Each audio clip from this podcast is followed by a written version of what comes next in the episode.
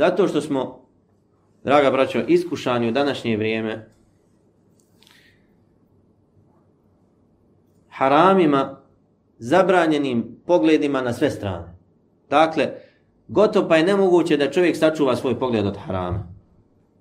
Živimo u vremenu koje nije zapamtilo čovečanstvo prije toga. Toliko razgoličenosti, toliko bestidnosti,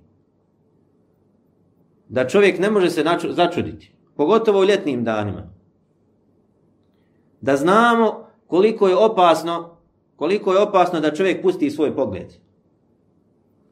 Jer ga to može koštati njegove vjere. Može ga koštati njegove vjere. I ove stvari koje smo spomenuli, ovi primjeri, to su istiniti primjeri. Nikome od nas nije zagarantovan džennet. Nikome od nas nije zapečaćeno srce na pravom putu. Jedan pogled zabranjeni može umrtiti tvoje srce. Kako kažu islamski učenjaci, pogled je poput strijele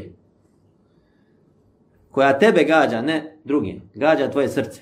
Ti kad pogledaš ono što je zabranjeno, to gađa svoje srce i umrtlije ga. Ne znaš koja strijela može ubiti tvoje srce. Dakle, neka te strijela rani, a neka te ubi, ubije.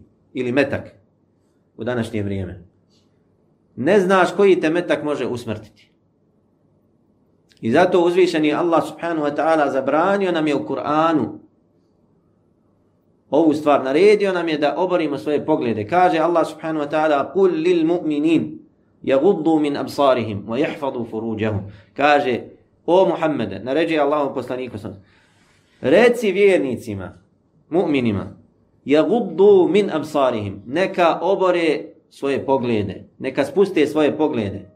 وَيَحْفَظُوا فُرُوجَهُمْ I neka čuvaju svoje spolne organe, svoja stidna mjesta. ذَلِكَ أَزْكَى لَهُمْ To je čišće za njih.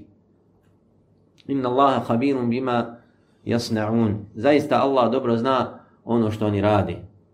Onda naređuje vjernicama, قُلْ لِلْمُؤْمِنَاتِ يَغْضُضْنَ مِنْ أَبْصَارِهِنْ Naredi, reci vjernicama, mu'minkama, neka obore svoje poglede i neka čuvaju svoja stidna mjesta. To je čišće za njih.